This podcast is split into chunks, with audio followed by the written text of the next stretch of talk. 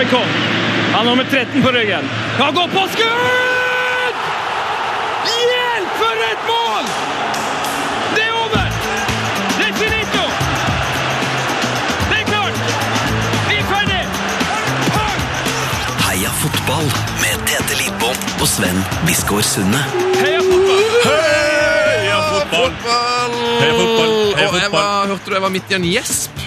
Det er ganske utrolig å ha en gjesp, Sven Sven Far, eh, når vi nettopp endelig ah, er i gang igjen etter en uh, lang sommerferie. Enig, det er snodig å begynne med en gjesp, men uh, det er tidlig på morgenen. Uh, dagens ekstremt nydelige gjest er nemlig en bissemann, mm. og har eh, fått oss på jobb tidlig. eh, til, til morgenkaffen for en prat. Ja, og man gjesper jo ikke bare når man er trøtt, men eh, også når man er litt nervøs. Å, riktig! Eh, og, og det er litt sånn når man ikke har hatt podkast på lenge, eh, selv om det på en måte egentlig noe av det vakreste, fineste og enkleste jeg gjør, eh, så, så er jeg litt nervøs. Jeg kjenner litt på nervene. Vi har ikke hatt eh, Dere som hører på, har jo fått eh, servert noe sånn høydepunkt og litt sånn sommerspesial og sånn, men vi har ikke lagd podkast siden Ja, først 2. juli eller noe sånt. ikke sant? Og, Lenge siden! Så vi kan på en måte sammenligne uh, vår uh, puls med en innbytter som uh, kommer inn på Old Trafford på lørdags formiddag. Noe sånt. Ja, altså En glede, men også litt sånn frykt for at noe skal gå galt. Hva er det beste som har skjedd for Tete Lidbom i sommer? Eh, Du, jeg har jo jobba for det meste. Jobben har tatt et sted, regner jeg med. Ja, jeg har vært eh, på Slottsfjell. Yes. masse nydelige Heia Fotball-lyttere der. Det var, det var en ære. Eh, Hei til dere. Hei til dere. Jeg har sett mange gode konserter. Men så har jeg også hatt eh, sånn tre dager ferie. Har. Du har tre dager, ja. Ja, og hva fyller man en tredagers eh, ferie med når man eh, da sitter fast på en måte i Norge? En tredagers fyllekule. Nei, Nei. Sven. Nei. Eh, jo, eh, på Østlandet så er det noe som heter Tusen er fryd. Du har vært i Tusenfryd. Første gang på ti år, tror jeg. Helt fantastisk! Altså, du som hører på, du, du rekker rekk det her før eh, høsten kommer. Dra til Tusenfryd. Teste speedmonster. Altså null til 90 på to sekunder. Rett opp inn i en havloop. Det er noe av det gøyeste jeg har gjort. Uh, mista capsen min på eh, splash uh, Altså, hva heter det? Supersplash. Oh yes. Der mista jeg capsen. Oh yes. uh, og Thundercoaster er like rå som alltid. Fikk du spist sukkerspinn? Om jeg har spist Ja, ja. Masse sukkerspinn, en del is. Eh, og så vant faktisk eh, en av dem jeg var med, vant en sånn eh, bamse. Storbamse? Eh, bamse før vi, før vi dro. Dæven steike. Enn du, da, Sunne? Du har jo da levd livet på, i Norges Ibiza. Eh, Norges Riviera. Ja, kanskje mer Rivera, eh, men det er jo litt feststemning òg, der nede på Mandal. Jeg har vært i Mandal, kjøpt meg en ganske stilig T-skjorte her. Hva er det? Der, Og I love Mandal. Eller, det, det står jo ikke det. Det er jo en, mer en appelsinform enn eh, et, en hjerteform. ja, det er en lang historie. Ja, eh, Men du har også fått en helt eh, eksepsjonell gave av vår venn eh, Vebjørn Espeland. Altså Ja! eh, Norges beste dokumentarist eh, og artigste reporter. Ja, han er jo til og med vært reporter, vår VM-reporter her i Her Fotball, Vebjørn Espeland. Stemmer. Da han var i Brasil, ja. Um, møtte han meg så vidt i sommer, da hadde han med en liten feriegave til meg. ja. Eh, jeg kjente jo fort at det var i fotballdrakt. Eh, Jeg gleder meg veldig jeg kjenner, ja, jeg kjenner jo at den er myk, og så bare sånn, yes, nå får jeg drakk, liksom. Så utrolig kult. Og så er det jo en utrolig kul gave, men som jeg ikke får brukt så mye, merke, for det var nemlig en Liverpool-bortedrakt med Downing på ryggen. Så det Det her er den nye Cage-favoritten, eh, tenker jeg. Jeg tror kanskje på Du sikt og Downing har en del eh, ting til felles uh, ute på banen. Det er sant. Jeg Jeg skal, skal låne den bort, jeg skal låne den bort litt til Netchef Lars. Eh, kanskje Netchef Lars kommer innom i dag, hvem vet? Hvem Men vet? først ukas gjest! Heia fotball! Og glemte min catchphrase vår. Mm. Oh yes! Oh yes! Oh, hei. Heia fotball! Heia fotball! Ja, det, å, nå er det godt å være i gang igjen. Sommerferie er noe av det verste jeg vet, så jeg har jo faktisk ikke hatt sommerferie. Du har ikke det. Nei. Skal vi ta imot ukas gjest? Ja. Så bra. Jeg tviler på at han er så glad i ferie. Altså, jeg, jeg føler at han jobber hele tida. Ja, eh, sommeren har han jo mulighet til å fri, eh, få litt fri, for ukas gjest han er nemlig sportskommentator av yrke. Eh, han snakker flytende nederlandsk. Han har engelsk Wikipedia-side, eh, Tete Far, og han har Ja. vært til stede på flere kamper i Premier League. Enn hele P3 til sammen, vil jeg tro. Eh, Øyvind Alsaker, velkommen til oss. Takk for det. Eller hallo, welcome. Er det riktig nederlandsk der? Bedankt, ja, das ist helt gut. Yes! Ja, men da, da God start på sendinga. Eh, hvor har du lært deg å snakke nederlandsk? Du, jeg eh, har vært eh, gift eh, hollandsk, og Er det sant? da var det eh, rett og slett en uh, dyd av nødvendighet rundt middagsbordet, for ellers så falt jeg bare veldig utenfor. så, så det var en, eh, en en god motivasjon, og så viste det seg jo da, selv om det er et lite språk, at det er jo et ganske stort uh, fotballspråk, så jeg har jo uh, Ja, ja, hatt veldig stor glede av det jobben, faktisk. Er det et lite ess i ermet å kunne si at du da har nederlandsk som språk? Er det lettere å få intervjuavtalen i boks da? Uh, det var lettere. Nå er alt veldig eh, rigid, så nå er det liksom slutt på den gode tida. Men eh, det, som var, eh, det som var veldig fint den gangen, var jo at ikke nødvendigvis å få avtalen, men at eh, intervjuet ble bra. Ja, for Fordi at de eh, slapper av, liksom? Ja, og så kom, de kommer fra et uh, ganske lite land, og så treffer, er de i et stort land, og så treffer de en annen som uh, Så kan de få snakke litt uh, på sitt eget språk. Så jeg opplevde jo at du får en veldig god kjemi, og den andre bonusen er jo at de der pressefolkene forsvinner jo, for de skjønner jo ingenting. De som alltid sitter og skal passe på at ikke det blir sagt noe galt. Sant? Så det, da fikk du sitte i fred med intervjuobjektet, så det, det syns jeg var veldig ok. Så deilig. Eh, jeg sa i innledningen her at jeg tror du har vært på flere Premier League-kamper enn hele P3 til sammen. Eh, og vi er vel sånn ca. 100 mann her. Men la, la oss et snitt på én, da. Eh, stemmer det? Hvor mange, hvor mange kamper tror du du har vært på på stadion? Eh, jeg har aldri eh, ført statistikk over det, men eh, det jeg kan si er jo at når vi starta sesongen 2015, så er det 20 år siden jeg dro til England første gang som kommentator. Ja. Så jeg, tror vi, jeg tror dere har rett i påstanden, for Ja. å si det forsiktig. Ja, for Da trenger du et snitt på fem kamper per sesong, og det kan du vel med en gang bekrefte at det har vært mer enn det? Ja, det tror jeg. Vi er vel nærmere 50, så det, det skal gå helt fint. Men, men er liksom Premier League-kamp for deg, er det bare jobb, eller reiser du over eh, også når du har fri? Eh, det er jo veldig vanskelig, da. Når du jobber hver helg, så er det litt vanskelig å reise over når du har fri. Ja. Eh, men jeg har vært på noen turer, da, og det er jo Det er jo veldig deilig å kunne være supporter eller fotballelsker Ja. og dra på kamp uten det der lille stresset som ligger der når du skal jobbe. Sant? Altså Det der å bare sette seg ned på en pub, eh, nyte sangen, se på stemningen. eh, entre stadion, bare sitte og slappe av og kose seg med fotball. Det, det får jeg jo altfor sjelden anledning til, egentlig. Ja, for du er ganske ryddig med forberedelsene. og Det er faktisk en av mine sånn favoritt sånn, eh, sm, sånn liten nett-TV-sak som Jeg vet ikke om du gjør det fortsatt, men når det var liksom sånn at du satt ned med engelske avisene eh, og bare liksom satt på hotellrommet, altså det, det synes jeg var en helt nydelig sak. altså. Ja, jeg er veldig glad i det sjøl. Altså, det- jeg har et uh, nesten erotisk forhold til lørdagsavisen i England. Uh, det er noe med å gå ut og, og skaffe seg de og bla opp og se, for de har jo fantastiske eh, sånne forhåndssaker, statistikk, altså bare grave seg ned i det over en eh, god engelsk frokost. eh, det er for meg kanskje det hyggeligste, den hyggeligste stunden på, på, på turen, så det, det, det er hyggelig at eh, flere liker det. Så vi har en avisnerd her. ja, en utøvende rase, vil jeg vel tro. Eh, disse, disse engelske avisene de eh, har jo ofte litt sånn Eller i hvert fall noen av de har ganske dårlig rykte. Eh, mens noen av de liksom regnes som eh, på en måte veldig troverdige. da. Eh, hvilke, for de som ikke liksom, de som skal på ferie, men som ikke helt har koll på hvilke aviser, hvilke er det som er best? Hvilke er det som er, er de liksom de beste på fotball, som har mest peiling? Uh, nei, der er jo konkurransen ganske hard, da, men det jeg alltid har til frokost, er jo The Times, eh, Telegraph, kanskje de to eh, beste. Eh, Independent og Guardian, også to veldig seriøse. Eh, mail, eh, og da er vi oppe i fem. Ja, og så pleier jeg å slenge på en tabloid, for det er jo alltid moro å se. Ja, hva de ja, ja. leser. Da har du jo Mirror og, og, og Sun og sånt, som eh, tar litt lettere på, på dette med etterrettelighet, da. Der det finnes store bilder ofte. Det er ja, for å si det, det er din favoritt. Ja, det er. På side tre, mener du? Ja, nei, det, det, er jo det. Uh, ja, nei, den Men de har jo uh, en plass også i England. Det er jo det jeg liker med England. Altså, det er litt sånn schizofrent land. Altså. Det er verdens høfligste mennesker. Eh, og samtidig så er det jo, det vet jo alle som har vært på en eh, litt fuktig pub litt utpå kvelden, så er det jo noen brutale folk.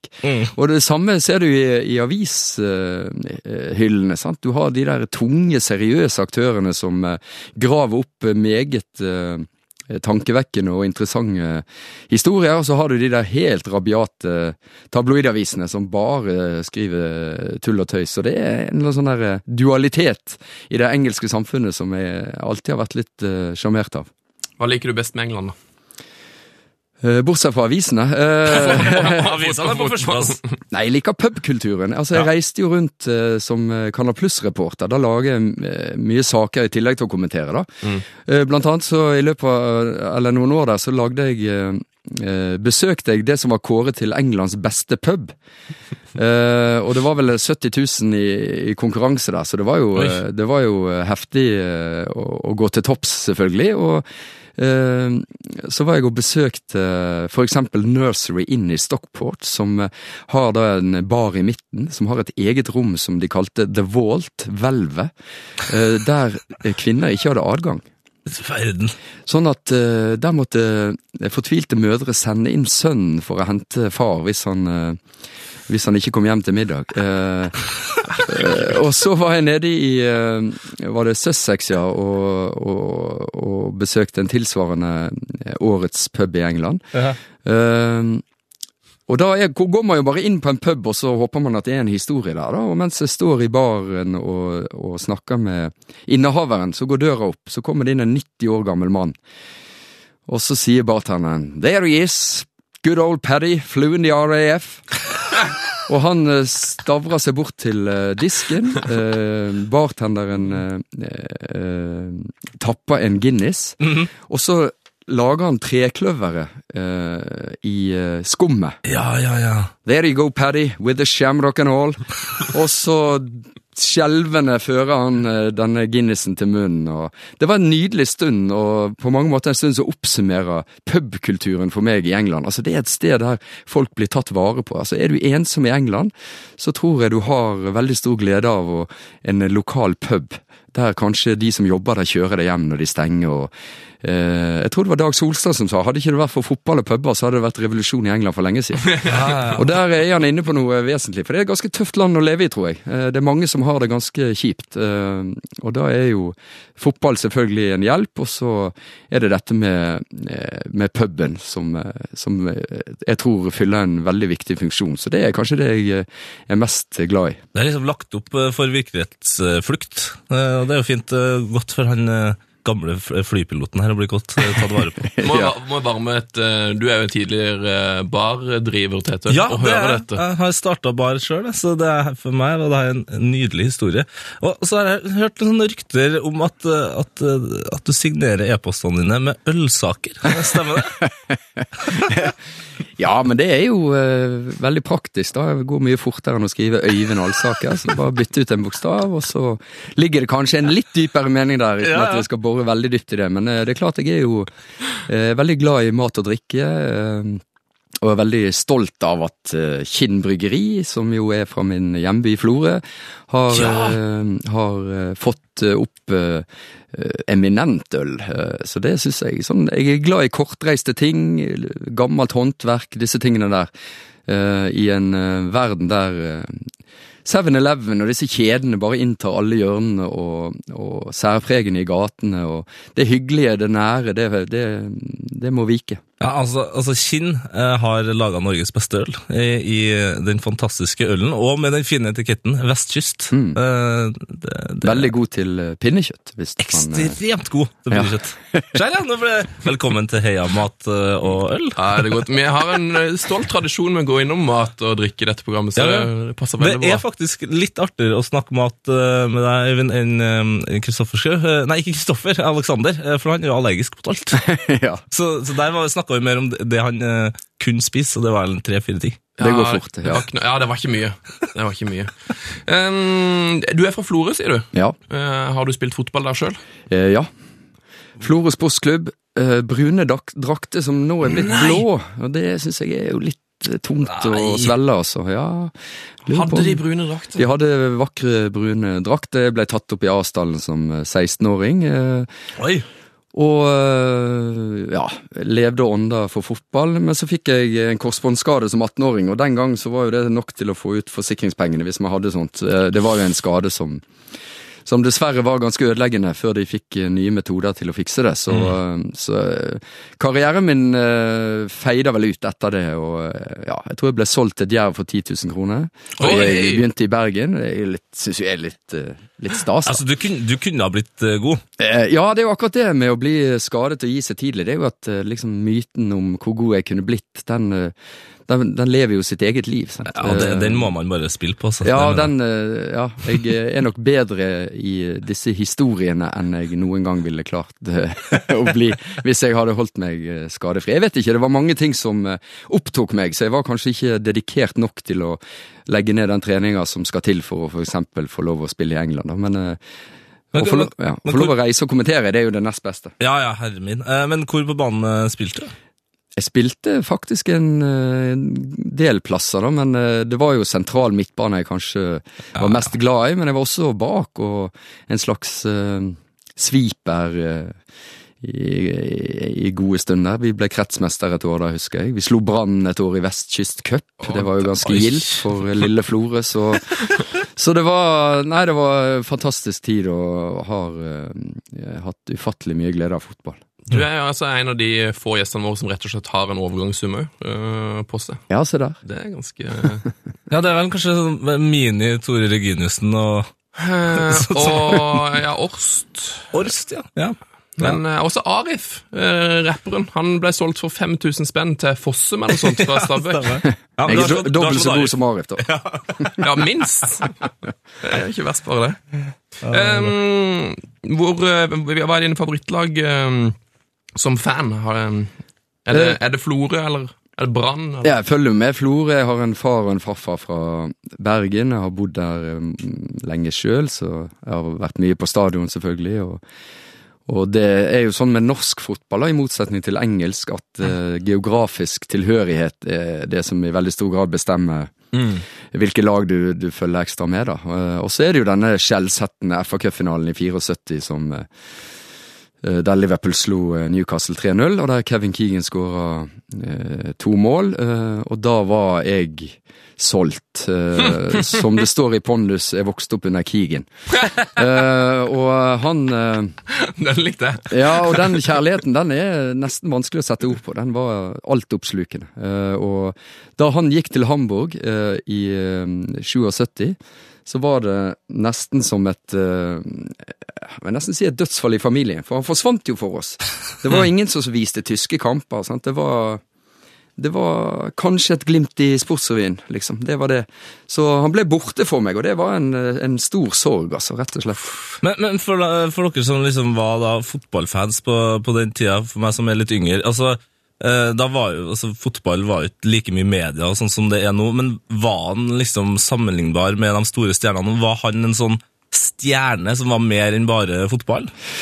Keegan var nok det. Han Ja. var litt uh, posterboy eh, og, og, og litt eh, stjerne. Men det er klart eh, det går vanskelig å, å sammenligne den tida med, med nåtida og folk som David Beckham og sånn, men for oss for meg, da, så var jo Keegan like stor som Lionel Messi er for en eh, åtteåring eh, i dag. Altså, den, eh, det enorme kjærlighetsforholdet, det tror jeg kanskje var enda sterkere, fordi ja, det var mindre liksom forhold, det var færre å forholde seg til. Nå har jo jeg inntrykk av at ungdommen skifter litt lag etter hvem som vinner gullballen, så, eller spiller eh, favorittspiller etter hvem som vinner gullballen. Altså at det er litt mindre hva skal du, Det er litt mer troløst Ja, i våre Folk dager. har Den- liksom fått seg flere lag òg. At de har Ja, liksom et lag i ja. Spania, et i Frankrike. Disse delte liksom. delte skjerfene og sånn på kampdag er jo en uting. Altså. Ja, det er veldig, Det veldig rart!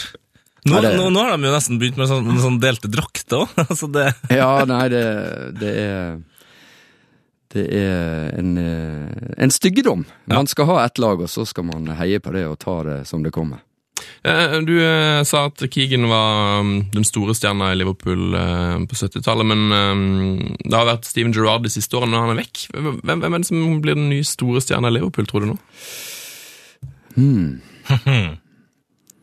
Ja, si det. Eh, Jordan Ibe er kanskje en, Jordan Ibe? en spiller som kan begeistre nye generasjoner, vil jeg tro. Han er jo ung og har mye av det der eh, offensive. Det er jo gjerne de offensive sant, som blir eh, heltene. De som skårer mål, de som eh, dribler, de som gjør de morsomme tingene på, på banen. Så eh, jeg tror han, eh, han har et potensial, i hvert fall. Tror du Sterling eh, kunne blitt det samme hvis han hadde holdt seg i klubben? Ja, definitivt. Uh, absolutt. Han, uh, han var jo en entertainer og en, en, uh, ja, en spiller som ga Liverpool-fansen håp, helt sikkert. Han, nå, nå ser de jo for andre sommer på rad at liksom den kanskje mest spennende, da, beste offensive spilleren forlater klubben. Og det er jo en det er jo en, eh, en eh, Det gjør det jo vanskelig mm. å etablere seg som en sånn seriøs gullkandidat, hvis du hele tiden mister et S.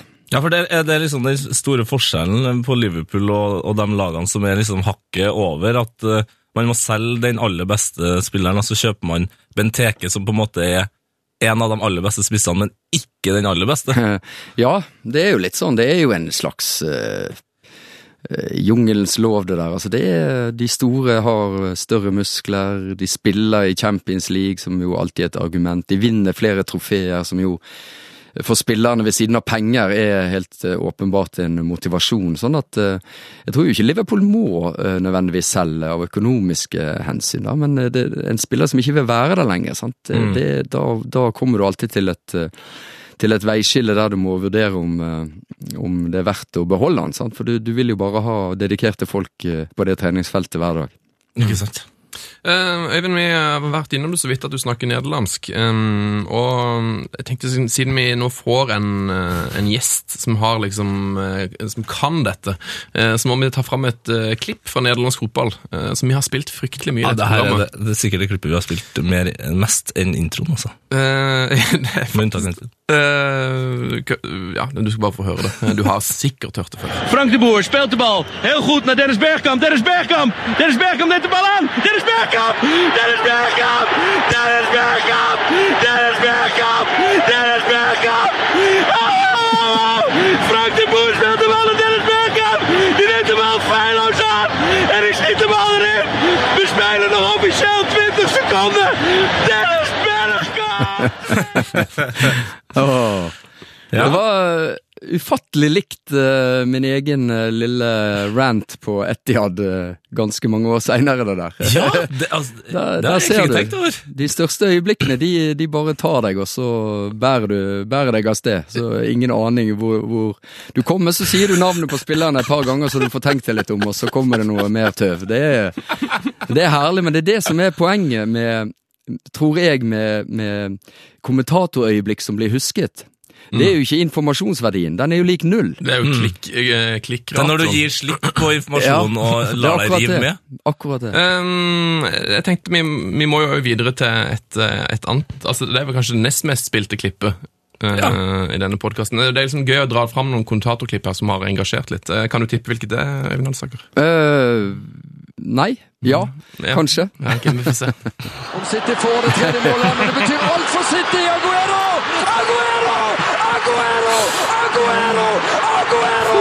Aguero! Det er 3-2!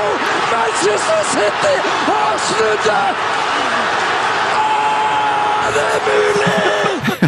Det er altså, Altså- så fint. For en eh, Altså, jeg spiller jo i, i band, eh, trommis. Eh, for en timing, fordi du sier Aguero én gang, og så klikker det for publikum, og da går du også enda hardere til verks, akkurat samtidig som publikum. Det er helt nydelig. Ja, var, jeg er så takknemlig for å ha fått oppleve det der, for jeg tror du kan kommentere et langt liv uten å være i nærheten. Så Ja. å få en sånn eh, dramatisk eh, sesongfinale, det var, det var et veldig, veldig stort øyeblikk. Å se City-fansen da, som på en måte har avfunnet seg med at de er en dilettantklubb som alltid kollapser når det virkelig gjelder, og er i ferd med å gjøre det igjen, og ja, ja, this is us, liksom. Og så snur det, da, og så ser du voksne menn skal prøve å feire det første ligagullet på 44 år som kom under de omstendighetene som vi hørte her. Sant? De løp ut på banen.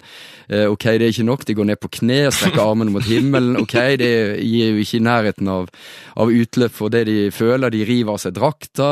Og så sitter de da på alle fire, og så er det ikke mer å gjøre. Sant? Så de bare bryter sammen i krampegråt. Og, det, altså, og da satt jeg jo øh, nede på det som er pressetribunen. Nå er vi, eh, fordi vi er så mange TV-team nå, så er vi plassert oppunder taket. Men den nærheten der, når folk bare reiser seg og begynner å kaste seg rundt armene på hverandre og, og storme banen og Jeg satt jo midt i det koket, da, så det var en ufattelig eh, herlig stund, altså. Det må jeg si.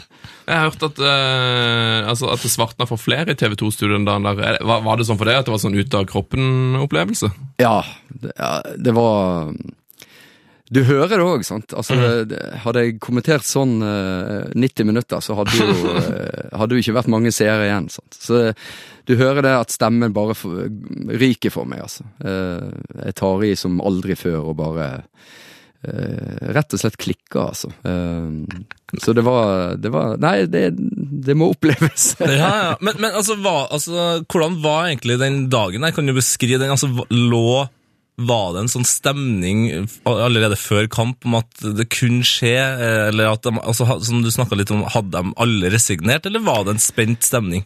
Nei, det var jo en optimistisk dag i, i Manchester. sant? Det var jo eh, QPR på besøk. Det var jo et eh, båndlag. City hjemme var jo fantastiske den sesongen. Så det var Jeg tror eh, City-fansen gikk til Etiad med ganske sånn senka skuldre og tenkte Ja. at dette gir vi jo aldri fra oss. sant? Men QPR skåra jo, og så skåra de jo igjen. sant? Så det var, det var jo da denne snikende følelsen kom, kom at uh, Ja, altså dette er City, da. Når det gjelder som mest, så svikter de ok.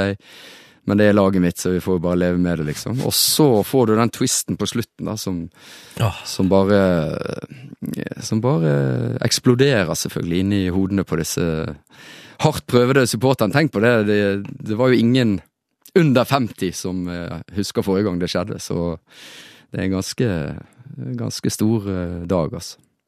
Rått. Eh, tror du at det er den største, den villeste kampen du har vært på, eller? Ja, det, det er det uten tvil. Det Det har vært noen VM og noen EM og litt sånne ting òg. Det har det. eh, Det har det. det Materazzi, Sidan, Zidane, eh, 2006-finalen. Selvfølgelig eh, mange store øyeblikk, men det er noe med dramaturgien her som, som gjør det til en helt unik eh, fotballkamp. Altså. Var du der i 2006, altså? Ja. Herlig fred. Du verden. For, men eh, det der er jo antageligvis et, et øyeblikk som kommer til å bli huska av flere da, i, i verden. Det, den Zidane-skallinga det har blitt en statue og, og det hele. Ja, ja, og det Ja, det var jo et VM der Zidane var avstengt i siste gruppespillkamp, hvis jeg husker rett nå. Eh, Frankrike kunne jo faktisk ryke ut. Han skulle jo gi seg etter VM. Mm. Eh, Så går de inn i sluttspillet, og han begynner å storspille virkelig, da. Og blir jo på en måte VM-kongen. Eh, Og eier jo den finalen også, og skårer eh, straffe via tverrligger. Altså, han er Det var mye der. Han er liksom untouchable, og så så kaster han vrak på alt det, da. Men, men, For å forsvare en slags sånn familieære, da. Det er jo en veldig sånn rar episode. Det er ja, en utrolig spesiell avslutning på en karriere som for de aller fleste huskes eh, som liksom en av de aller, aller beste fotballspillerne. Men, eh, men så bare en sånn galskap i spillet som man så sjelden, men som hadde skjedd før òg. Mm. Så ja, det er trist. Men eh, jeg som Italia-supporter eh, må jo innrømme at det, det, var, det var litt fint, da. P3s Heia fotball. Mm, yes. Eh, er du glad i å er du, er du en sånn fyr sånn som oss som har drevet på satt opp drømmelag opp igjennom, Øyvind? Ja, veldig glad i det. Mm. det er jo veldig vanskelig øvelse alltid, da. Ja. Eh, Men eh, herlighet. Det, er, det er noe av det gøyeste med fotball. Ja, det er det. Eh, du har blitt utfordra på å ta med et drømmelag, men du kunne velge litt sånn tema fritt. Hva har du gått for? Jeg har gått for et lag med bra folk jeg har intervjua, rett og slett. Yes! uh, Nå skal vi ned i eh, mix-zone. Uh, ja, og i, i, på treningsfeltet før kamp og så Ja, videre. ja, ja. Med sit-down. Så jeg har jo, var jo heldig i en periode der det var litt uh, uh, mulighet til å få treffe disse store stjernene. Da. Eh, det er dessverre slutt. Nå har jo alle eget klubb-TV, og alt er veldig restriktivt. Da. Men i noen år der så var jeg faktisk rundt og traff ganske mange bra folk, altså. Så det har, blitt mye, det har altså blitt mye strengere, det er mye verre. Ja, mye, mye verre. Så nå er det, nå er det eh, Ja, én spiller fra hver klubb eh, har jo kommet på plass til Ja. hver kamp, men da sitter du gjerne med fem-seks andre team, og der er tolker hvis der er span... Altså, det, det er umulig å få den nærheten og, og kontakten med intervjuobjektet, da, som, eh, som jeg syns er, er spennende. Så, eh, så den tida er nok forbi, ugjenkallelig forbi. Men det her er altså da et eh, lag av fotballspillere som eh, man gjerne kan møte på pub eh, og sitte ned og snakke med. Ja, det vil jeg si. Ja. Det vil jeg si. I mål her, hvem, hvem er den triveligste? I mål har jeg Edvin van der Sar. Oi, Ja. han ser, han ser trivelig ut. Ja, han er en veldig trivelig fyr. Der igjen så kommer jo hollandsken inn i bildet. Jeg jobber jo for Canal Plus, da, og det var jo pan-nordisk, så Sverige var også med, og de ville jo veldig gjerne høre hva han syns om Henke Larsson, Ja, som jo er stor i, i nabolandet. Um, Så jeg spurte jo da eh, Og han hadde jo vært veldig god, så jeg spurte liksom, hva, hva syns dere om eh, Henke Larsson? Så svarer van der Sar eh, det har vært en skuffelse. Og så holder han blikket mitt. eh, Jeg bare ser jo jeg sperrer opp øynene og værer en sensasjon. da. Kanskje ti sekunder, og så bryter han ut i latter. Og, eh, og det var jo en sånn der herlig stund, for det så, de er så forknytt, disse spillerne. sant? De er liksom livredde for media, fordi eh, ja, media skriver jo mye rart om de, Ja. i hvert fall enkelte. Sånn at ja, At en spiller liksom bare eh, turte å komme med den, da. Eh, Det syns jeg var, eh, var et sånn, en deilig stund, da. For en kul katt. Ja, kul fyr, rolig, flegmatisk type. Du, du så jo når han spilte òg. Han var han, eh, han var bare stødigheten sjøl på alle mulige måter. Jeg hørte at han var så glad i å spille fotball òg. Altså at han, han krevde veldig ofte å trene som utespiller og sånt på, Ja. med landslag og sånn. Han var jo, eh, hadde jo enormt med ballberøringer i United. Altså, De brukte han jo veldig veldig mye eh, som, som en, nærmest en utespiller. Hvor, um, altså Du følte jo Du har jo fulgt Premier League i 20 år, som du, som du nevnte. Hvor, hvor viktig var han for, liksom, for United når han kom inn der? For de hadde jo hatt en sånn keeperkrise ganske lenge. Som, En keepersuppe. eller iallfall en keeperfloke. Ja, ja, nei, han var jo helt, eh, helt instrumental, eh, vil jeg si. Han, eh, han kom jo egentlig for seint. Det var jo mange som liksom stussa. Hvorfor henta ikke de han Han var jo linka til i egentlig mange år før, altså. Men han kom jo seint, var 35 år. Men eh, rakk jo på de åra han spilte der å bli en verdig utfordrer til Schmeichel, altså som tidenes United-keeper i Premier League-historien. Så han, eh, han hadde en fantastisk karriere, og som dere var inne på, det var jo mye rart mellom stengene der. eh, Taibi og Uff, stakkars Taibi. Ja, stakkars Taibi. Taibi, Bertes, Bosnic, Carroll er det, det var liksom ikke noe, ikke noe flyt. Nei, det, og eh, vi så jo på De Gea forrige sesong hvor mye en, en keeper betyr, altså. Og det å ha en som Ja, du vet hva du får hver eneste kamp, hver eneste sesong. Slippe å tenke på det i det hele tatt. Eh, Det, det skaffer nok United eh, noen titler, det, altså. Eh, Var det mange keepere det sto mellom her? Jeg ser for meg at de er litt sånn Det er ikke så mange keeper som har en Nei, det er så mange lag som har en keeper som er så profilert at man liksom kommer i en sånn intervjusituasjon egentlig med det i det hele tatt. Nei, det, det er jo ikke de store stjernene ofte og sånn. Nei, han er nok ganske suveren som, som den kuleste keeperen. Ja, Nydelig. Og nå er han altså burvokter på Øyvind Alsaker sitt drømmelag. Det er fint, altså. Gratulerer. Enda en fjerde i hatten. Yes. Eh, Hva slags formasjon har du gått for her? Nei, jeg vet ikke om jeg eh, eh, kom helt i mål med elleve, men vi begynner da, så ser vi. Så, Vi noterer. eh, så må jeg jo da på uh, stoppeplass, er jo Tony Adams selvskreven. Det tror jeg på. Ja, altså for en mann, rett og slett. altså. For en mann. Han Han brukte jo testimonial-pengene til denne Sporting Chance-klinikk eh, som skulle hjelpe folk med avhengighet. Han eh, kom jo ut av det sjøl. Han hadde jo levd et vanvittig liv som eh, alkoholiker. Eh, og jeg hadde da fått adressen hans. Eh, jeg hadde fått eh, navnet som skulle stå på ringeklokka, for der sto det ikke Tony Adams. Nei. Jeg tror det sto Thatcher eller Teacher eller noe sånt.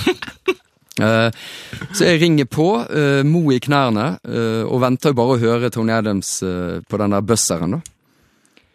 Og der går døra opp, og så står eh, Tony Adams der i hele sin fryktinngytende helfigur. Og er verdens hyggeligste mann.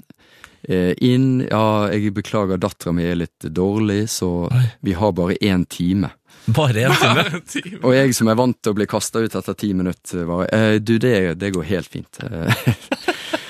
Eh, og han fortalte jo åpent og ærlig og nakent om, eh, om eh, sin kamp mot eh, alkoholen, og, og eh, Ja, det var, det var mektig. Og det kombinert med den typen han var som spiller, ledertypen, øh, vinneren, øh, det syns jeg eh, gjør han til ja, en av Premier League-historiens tøffeste typer, rett og slett. Åh, nå fikk jeg ble litt sånn salig her nå. Ja, jeg, jeg drømte meg bort. Jeg var, jeg var i det huset nå, Ja. eh, og på- så klokka for meg. Te teacher, teachering. ja. Eh, hva fortalte han, da? Når det var der? ja, hva fortalte han? Han fortalte jo eh, om eh, Om dette å, å være såkalt addictive nature, da. Altså det der eh, å gå all in på alle ting. Også drikking, da. Ja. Uh, og så var det Det er vel en klassisk sånn historie, tror jeg, der uh, små Altså nederlag, enten det var på bane eller en krangel hjemme med, med fruen, så var puben liksom løsningen, da. Mm.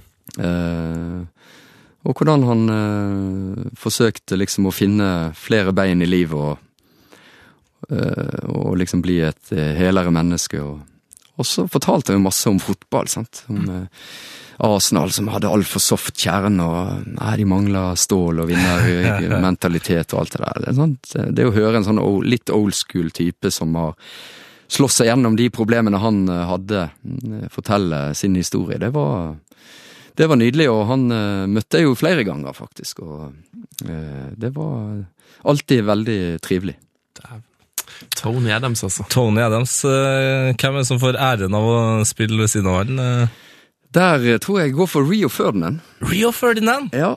Ja, se der, ja. Altså, mannen som gjerne skal bli uh, den nye James Bond. Skuespilleren. Ja. Eh, han er vel redaktør i et blad. Han er jo en bra fyr. Han er jo en uh, smart fyr. Han, eh, jeg så et intervju han gjorde med Steven Gerrard her nylig. Han Ja, han eh, tror jeg har mange talenter. Eh, jeg eh, har jo eh, lært meg da, når du treffer disse store stjernene, og eh, ja, gjerne hilse fra noen hvis du har noen. Og Eirik Bakke var jo gammel Kompis kompis. Ja. Ja. Så 'Greetings from Eirik Bakke' var jo åpningen min, og han lyste opp. Og, og han var jo utestengt fordi han ikke møtte til en sånn dopingkontroll. Ja, det, var der, ja. det var litt derfor jeg eh, kom til å tenke på, eh, på han, fordi eh, den tida er jo forbi, sant, der du kan stille det spørsmålet jeg stilte han, da. Og det var jo om Ja, om det hadde fått han til å tenke, om det kanskje var en blessing in disguise det, å få en sånn smekk, liksom. Og han svarer åpenhjertig at det var en vekker, og, og ja, at han måtte stille seg sjøl tøffe spørsmål. Hva vil jeg med karrieren, osv. Det gjorde han til en mer seriøs eh, utøver. Eh, Wow. og ja, det, det er litt sånn synd at vi ikke får lov å, å, å stille de spørsmålene lenger. At disse spillerne, mange av de har jo masse mellom ørene. Men de får jo aldri anledning liksom til å dele det med, med folk. Det er jo blitt så eh, strikt, og alle spørsmål skal godkjennes, osv., osv. Så, videre, og så, videre. så det er blitt sterilt og, og litt fattig det der eh, med å intervjue disse spillerne. Så Sitter de liksom med en PR-agent eh, over skuldra di og prikker deg på ryggen og, liksom, og tar fra deg mikrofonen hvis du stiller spørsmål som ikke er i forhold til opplegg? sånn? Ja, nå, nå er det sånn. Nå er det sånn. Eh, den gang var det litt eh, Jeg var liksom Mm. household eh, name på, på Carrington, og, og folk slappa liksom av. da. Jeg hadde vært der mye, jeg hadde liksom aldri gjort noe galt. så, så det var en annen tid, da. Eh, og en veldig fin tid, som jeg egentlig savner litt, og som er, eh, som er gone. Du får ta med deg en sånn vestkyst og gi til van Gaal. Ja. Og Kanskje det det, som, kanskje det er det som er liksom uh, veien inn her. ja, kanskje. Hvis en klarer å komme så nærmt at en får overakten. Det er jo det som er spørsmålet i våre dager. da. Yes.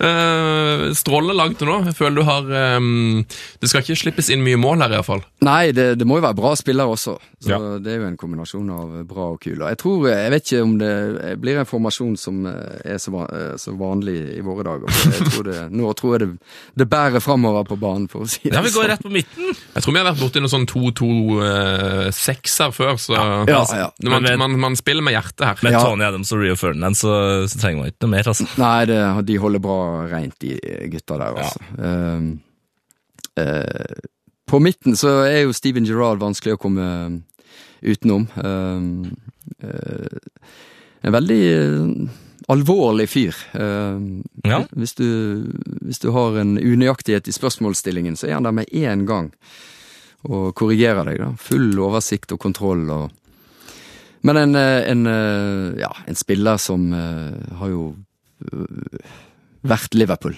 Eh, Og en spiller jeg har liksom Jeg begynte før han å kommentere, sant? så jeg har liksom fulgt han hele veien. Fra han, eh, fra han eh, debuterte som en sånn hengslete eh, 17-åring og til han liksom dro til USA. og Da er det jo på mange måter litt sånn svanesang, da. Ja.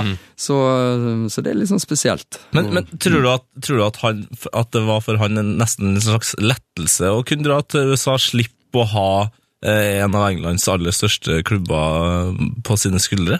Ja, helt, helt sikkert. At det kanskje var en av grunnene til at han Ja, jeg tror det her er jo en, eh, en eh, høyst privat teori, da, men jeg Jo. tror den knekken han fikk da han eh, sklei og gullet glapp, og hele hans liksom livsverk eh, gikk i grus der, så tro, jeg tror det var vanskelig å løfte seg fra det, altså. Jeg tror når han begynte neste sesong der, og Rogers litt lunken eh, til eh, at han skulle være eh, ja, midtpunktet kanskje i, i mange år framover. Og, og toppskårer. sikkert. Ja, ikke sant. Jeg tror den kombinasjonen eh, kanskje gjorde at han eh, At han eh, Ja. Jeg tror ikke det valget ble så vanskelig etter hvert der, altså, rett og slett. Jeg tror det å det å innse at det ikke ble ligagull med, med Liverpool, det, det var nok brutalt for han, men når han vel innså det, så tror jeg han han eh, har veldig godt av det her nå, å komme, sånn, oppleve en- noe helt nytt. og Ja, altså, og, og, og legenden Steven Gerrard, eh, ligagull eller ei, liksom, den vil jo den vil bestå i Ja, ja. lang tid framover. Ja, og det litt ironiske er jo at hvis han hadde forlatt Liverpool etter 2005-sesongen, så ville han fremdeles vært en Liverpool-legende etter det han gjorde i Istanbul. Ikke og han ville hatt en haug med ligatitler i tillegg, da. Så han, eh, han kunne jo valgt annerledes, da, for å si det pent. Men han, eh, han valgte jo å bli, da, og det Ja. Det er, du kan bare respektere sånt. Det er, mm, det er bare de, de aller eh, største som, eh, som, eh, som velger bort personlig vinning og, og, og for, å, for å være klubb, klubbspiller. Da. Han må være en av de du har kommentert flest ganger, han da. Ja, og snakka mye med. Bare en periode, en gang i sesongen i hvert fall. Og oppe på Melwood og, og, og prata med Steven Gerrard. Så eh, det, det, det er fine ting. Han er, han er jo en, en gigant, rett og slett. Rett og slett. Og nå er han, eh, er han kaptein på dette laget, eller? Kanskje, kanskje urettferdig mot de andre? Knallhard kamp om Ja, det, kapteins-. Ja, det, her er det mange emner, altså. Vi får gå gjennom og se hvor vi ender det til slutt. da. Um, uh, ja, ikke for sine defensive ferdigheter, men uh, Paulo Di Canio må inn. Paolo Di Canio. En, oi. eh, en skrullete fyr på mange måter, men uh, han har jo skåra et av de fineste Premier League-målene, altså. Mm. Noensinne. Herregud, jeg så det nylig nå. Den der, eh, du tenker på den der flyvende volleyen fra Ja, en slags sånn meter. saksespark, skrå vinkel. Det er så Det er så reint og vakkert at det er en av mine absolutte favoritter, altså. Ja, en sånn spiller som eh, mest sannsynlig ikke hadde vært så god uten den galskapen som eh, det, det mennesket innehar. Ja, og så var det Jeg skulle møte han på treningsfeltet til Westham. De hadde en annen cupkamp dagen før. Og det er jo veldig eh, viktig at eh, spillerne er i godt humør når du treffer dem. Ja. Og jeg tror, jeg lurer på om det var en straffesparkkonkurranse. De vant. Altså, det var Det gikk helt til, eh, til slutt, eh, men de vant. Eh, og dermed så var jeg litt sånn ah, letta. Tenkte da, da er det sikkert ok stemning. Så kom jeg på, på treningsfeltet og treffer de kan jo, og så begynner vi å snakke litt, og så vet jo jeg at han er en sånn som kan finne på å si mye gøy, da. Så jeg prøver å, å, å liksom pense han inn på et spor, da, med Ja, fansen, de har jo laga egen sang til deg, og, og sånn eh, Og så Yes, yes. eh, eh, the song is La Donna Immobile, but they sing Paolo di Canio, Paolo di Canio. Så sang han jo den, da. Og det å få en Premier League-stjerne til å synge, det er jo da må man jo liksom uh, skjerpe seg for ikke å juble, sant. Det er jo så gøy, altså. Så um, det var et uh, sånn vidunderlig intervjuøyeblikk, altså, som uh, har festa seg. Herregud. Var han flink til å synge, da? Ja, ja, ja. ja. Italiener, vet du. De, eh, Ja, de, det, de kan ligger, det. det ligger i blodet. De kler seg pent, og de, de kan sin arie. Så det er forsang- forsangeren på drømmelaget. Ja, det er helt eh, klart. Han, eh, og han er jo òg en eh, mulig kaptein her, hvis Ja, vi skal han er dra det litt ut. Jeg tror i hvert fall han blir sur hvis han ikke blir eh, tatt med i vurderinga. Nestemann, da? Er det også et kapteinsemne, eller? Ja, skal vi se. Um, uh, Dennis Bergkamp er selvskreven, eller Bergkamp, som, uh, Som man skal si det. som vi hørte i klippet i sted. Um, eh, også en spiller jeg møtte mange ganger, som ja, jeg forguda som fotballspiller. Den der kjølige elegansen, den der vanvittige blikket og Men, men, men sånn, for meg så virka han så så forsiktig uh, utenfor banen, Altså, på banen så var han liksom så ekstremt uh, uredd. Eh, Stemmer det? Ja, veldig forsiktig. En uh, større kontrast til Paulo Di Canio kan du vel knapt finne. Så han var en veldig Egentlig litt sånn Skal være litt slem, så var han jo litt døll kanskje å snakke med, men samtidig så er det noe med de spillerne som er så bra, da. Mm. Når de sitter og forteller om fotball, så, så er det, det er et eller annet med det som er fascinerende, da. Jeg husker han dro igjennom den eh, vanvittige golden mot Newcastle. sant? Oh. Der han liksom eh, Ja, liksom tar meg gjennom det øyeblikket der, liksom. Det skjer jo på intuisjon og alt, sant. Ja. Men han forteller liksom hvordan han tenkte, og det han rakk å tenke. Og, og der har du igjen, som de kan jo, en av de absolutte eh, toppskåringene som eh, Premier League-historien har sett. da. Det der er jo altså um, Det sånn Det hadde vært gøy å gjort en sånn quiz på det målet der. For når han da får ballen sånn Hva tror du skjer nå? Ja. Og hvis du gitt liksom Hvis du hadde gitt folk en time, da, så hadde du ikke kommet på den Du hadde ikke kommet på den å, å gjøre det engang. Nei, nei, det, det, har, det hadde aldri vært gjort før, og det har aldri vært gjort siden. Så vidt jeg eh, kan skjønne. Altså, det er en sånn unik scoring, da. Et øyeblikks magi, og eh, det som gjør fotball så ufattelig eh, morsomt, da, det er jo at eh, det kan skje. Og det kan skje når som helst, så du må liksom bare sitte der og, og følge med. Ja, Snak, det- det- snak, dere om den, eh, den mye omtalte eh, flyredselen hans sin? Ja, men der var han veldig lite meddelsom. Ja, altså. Han ikke snakke om det, nei. Nei, det syns han selvfølgelig ikke var så veldig kult, og det, det skjønner jeg jo. Eh, Så det var mer sånn eh, ja, du må kjøre langt til, eh, til Champions League-kamper. Sånn, da, ja, jeg må jo det, men det går fint, og jeg gjør sånn og sånn. Ja, ingen problem, da. Så han Jeg merka fort at det, han ville ikke Han ville ikke dypere i den eh, materien, for å si det sånn. Han, han, var oppriktig eh, redd for fly, eh, rett og slett. Ja, rett og slett. Rett og slett. Men eh, igjen, da. Alle har sitt, og eh, det er lett å tilgi sånne spillere, da. De, Å ja. vi, vi kutter de litt slack, for å si det sånn.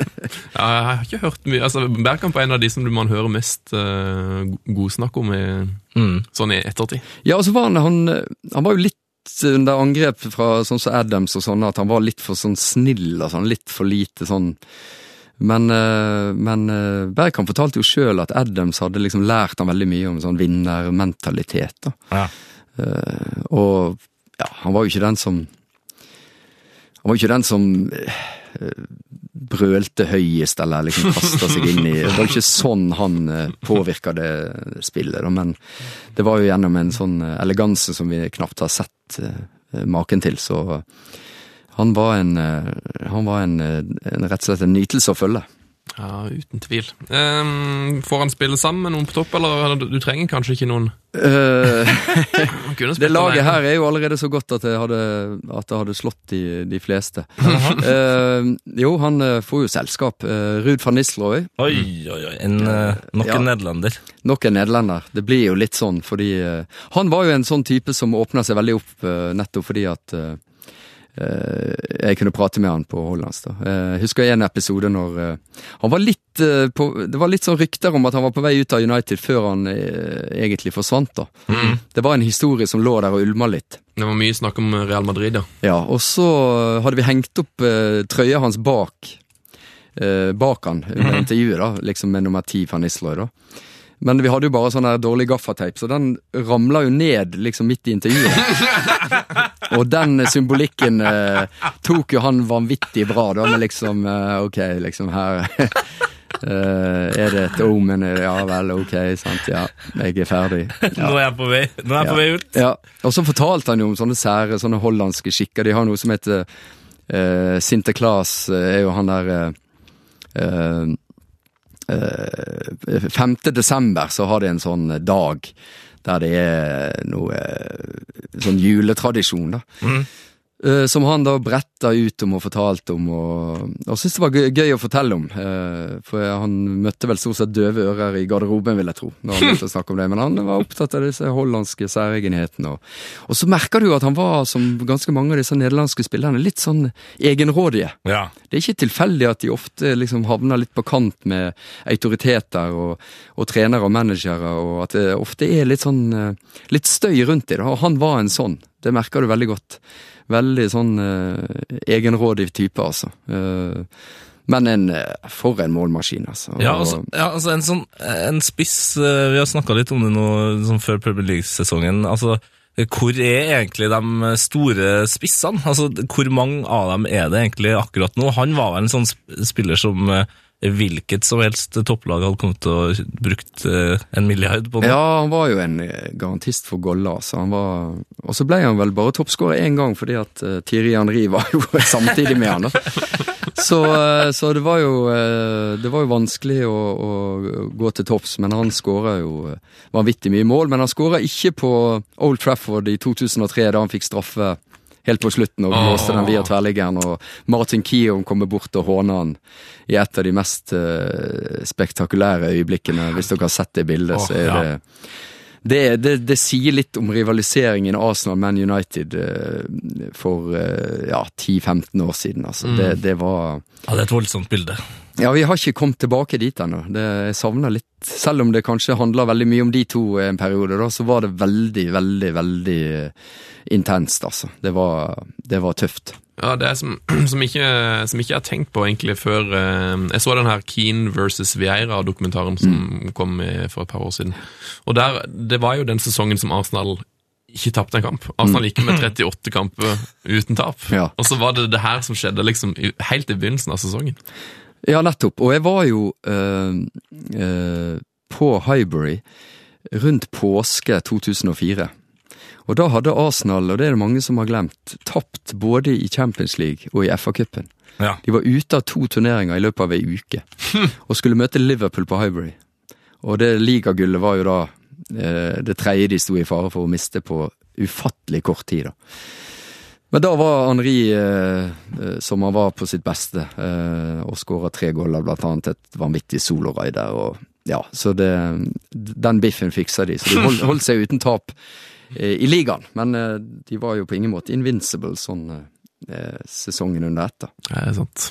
Eh, Ruud van Nistelrooy på topp. Jeg har jo Jeg har, har googla han opp her. Han har jo et ganske spektakulært navn, egentlig. Ja, Uh, Rutgerus Johannes Martinius Ruud van Nistelrooy. Ja, for Ruud van Nistelrooy er ikke spektakulært i, i seg sjøl.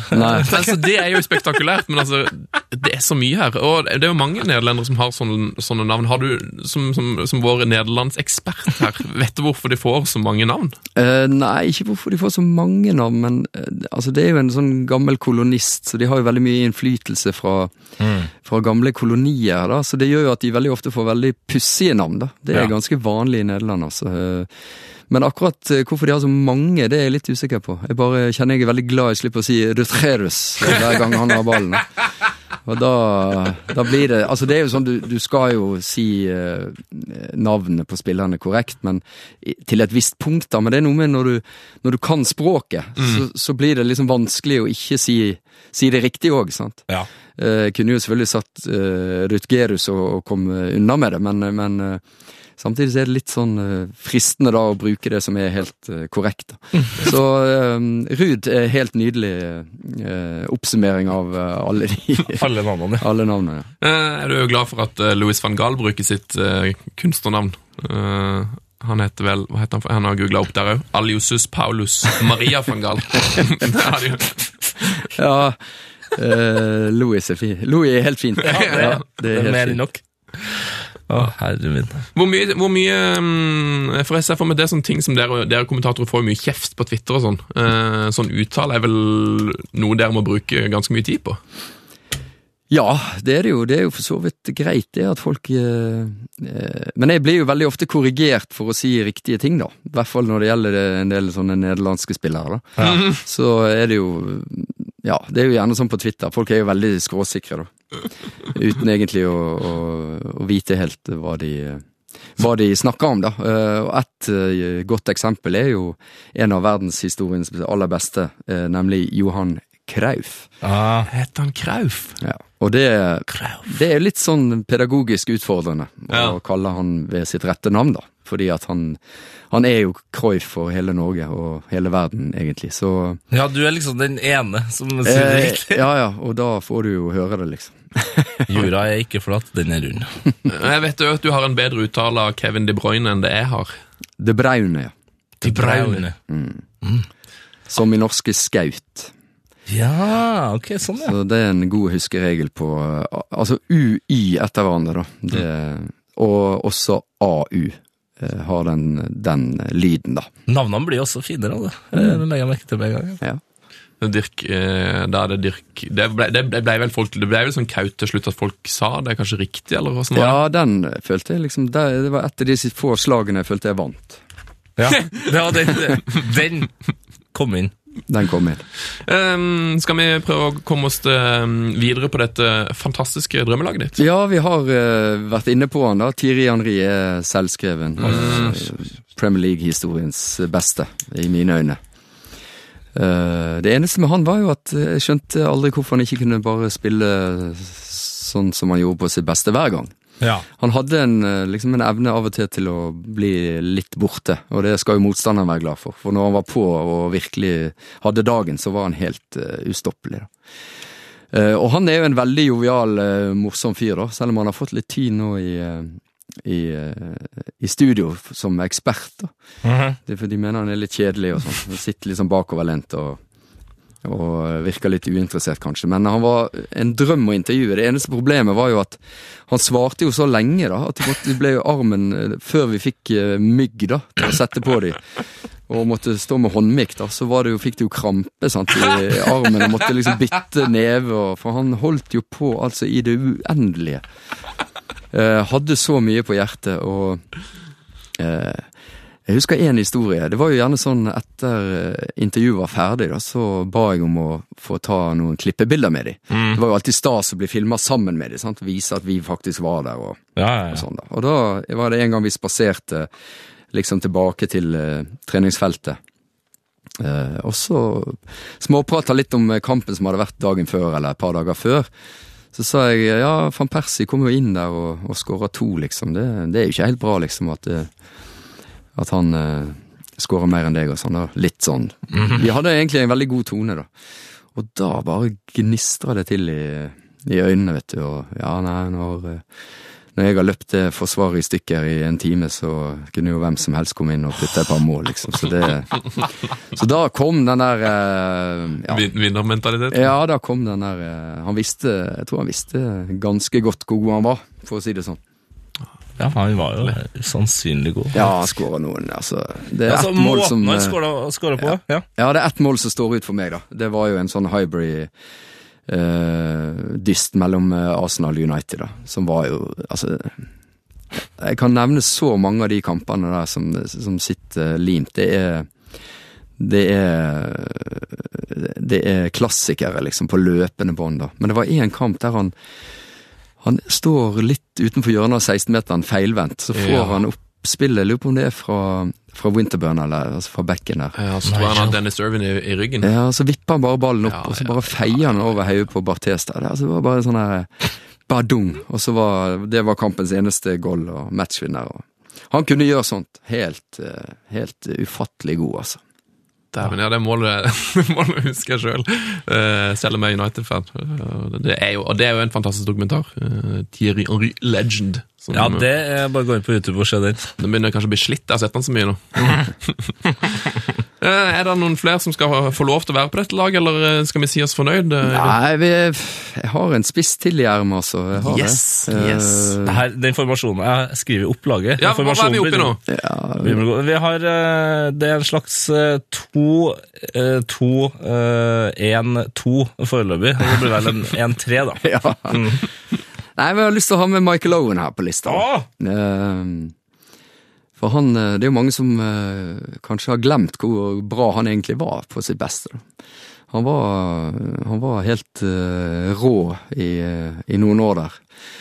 Eh, og han var litt sånn superstjerne. Etter det der eh, eh, 98-VM, altså, så var han eh, Han var en av de få der intervjuavtalen var liksom ikke i klubbregi, og det var ikke på treningsfeltet. Det var liksom en eh, et lokale et eller annet sted, et hotell eller et eller annet, og han kom med Han hadde liksom to-tre sånne agenter som sto og passet på, og det var veldig sånn eh, nøye og grundig, og man følte liksom man satt med en sånn eh, ja, en sånn filmstjerne, altså. Det var en veldig spesiell eh, intervjusituasjon, da. Men han er jo en eh, en veldig sånn høflig, snill, eh, grei fyr, altså. Og det er kanskje en litt sånn gjenganger, hvis du ser på den gjengen her som jeg har tatt ut, så er det jo veldig bra spillere, da. Eh, og samtidig er de kule, og jeg tror litt, det er min erfaring, at de beste spillerne er ofte de kuleste, altså. De beste spillerne er de hyggeligste, de beste spillerne er de høfligste. Uh, og kommer du i sjiktet litt bak de aller beste, så kan du møte litt forskjellig, altså. Ja. Så eh, kanskje det henger litt sammen. Ja, men Det er et eh, godt tips eh, til de unge lytterne vi har. Eh, Hvis du skal bli best, så må du også være kul og hyggelig. Hvem er det som har vært kjip med deg, Øyvind?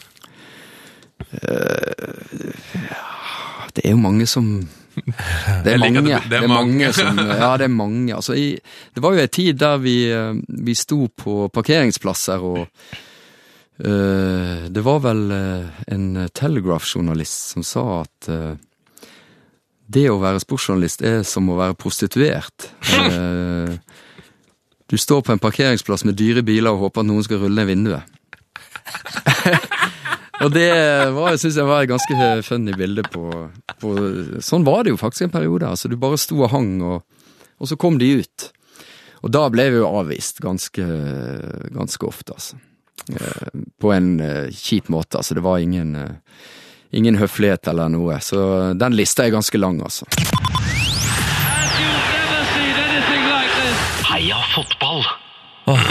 Det, det var et helt nydelig drømmelag. Eh, og et, eh, sånn drøm, altså det er mye gode, gamle spillere her som gjør at jeg på en måte gleder meg enda mer eh, til den nye Premier League-sesongen. Fordi det, det er mye nye spillere som kan være liksom tungen på vektskåla for mange lags sesonger. og Jeg føler at det er ganske åpent i år. I fjor så var det liksom Chelsea, og det var Chelsea hele veien òg. Jeg hadde tro på City i fjor sommer, det hadde jeg, men Chelsea hadde signert liksom akkurat de to spillerne Som mangla.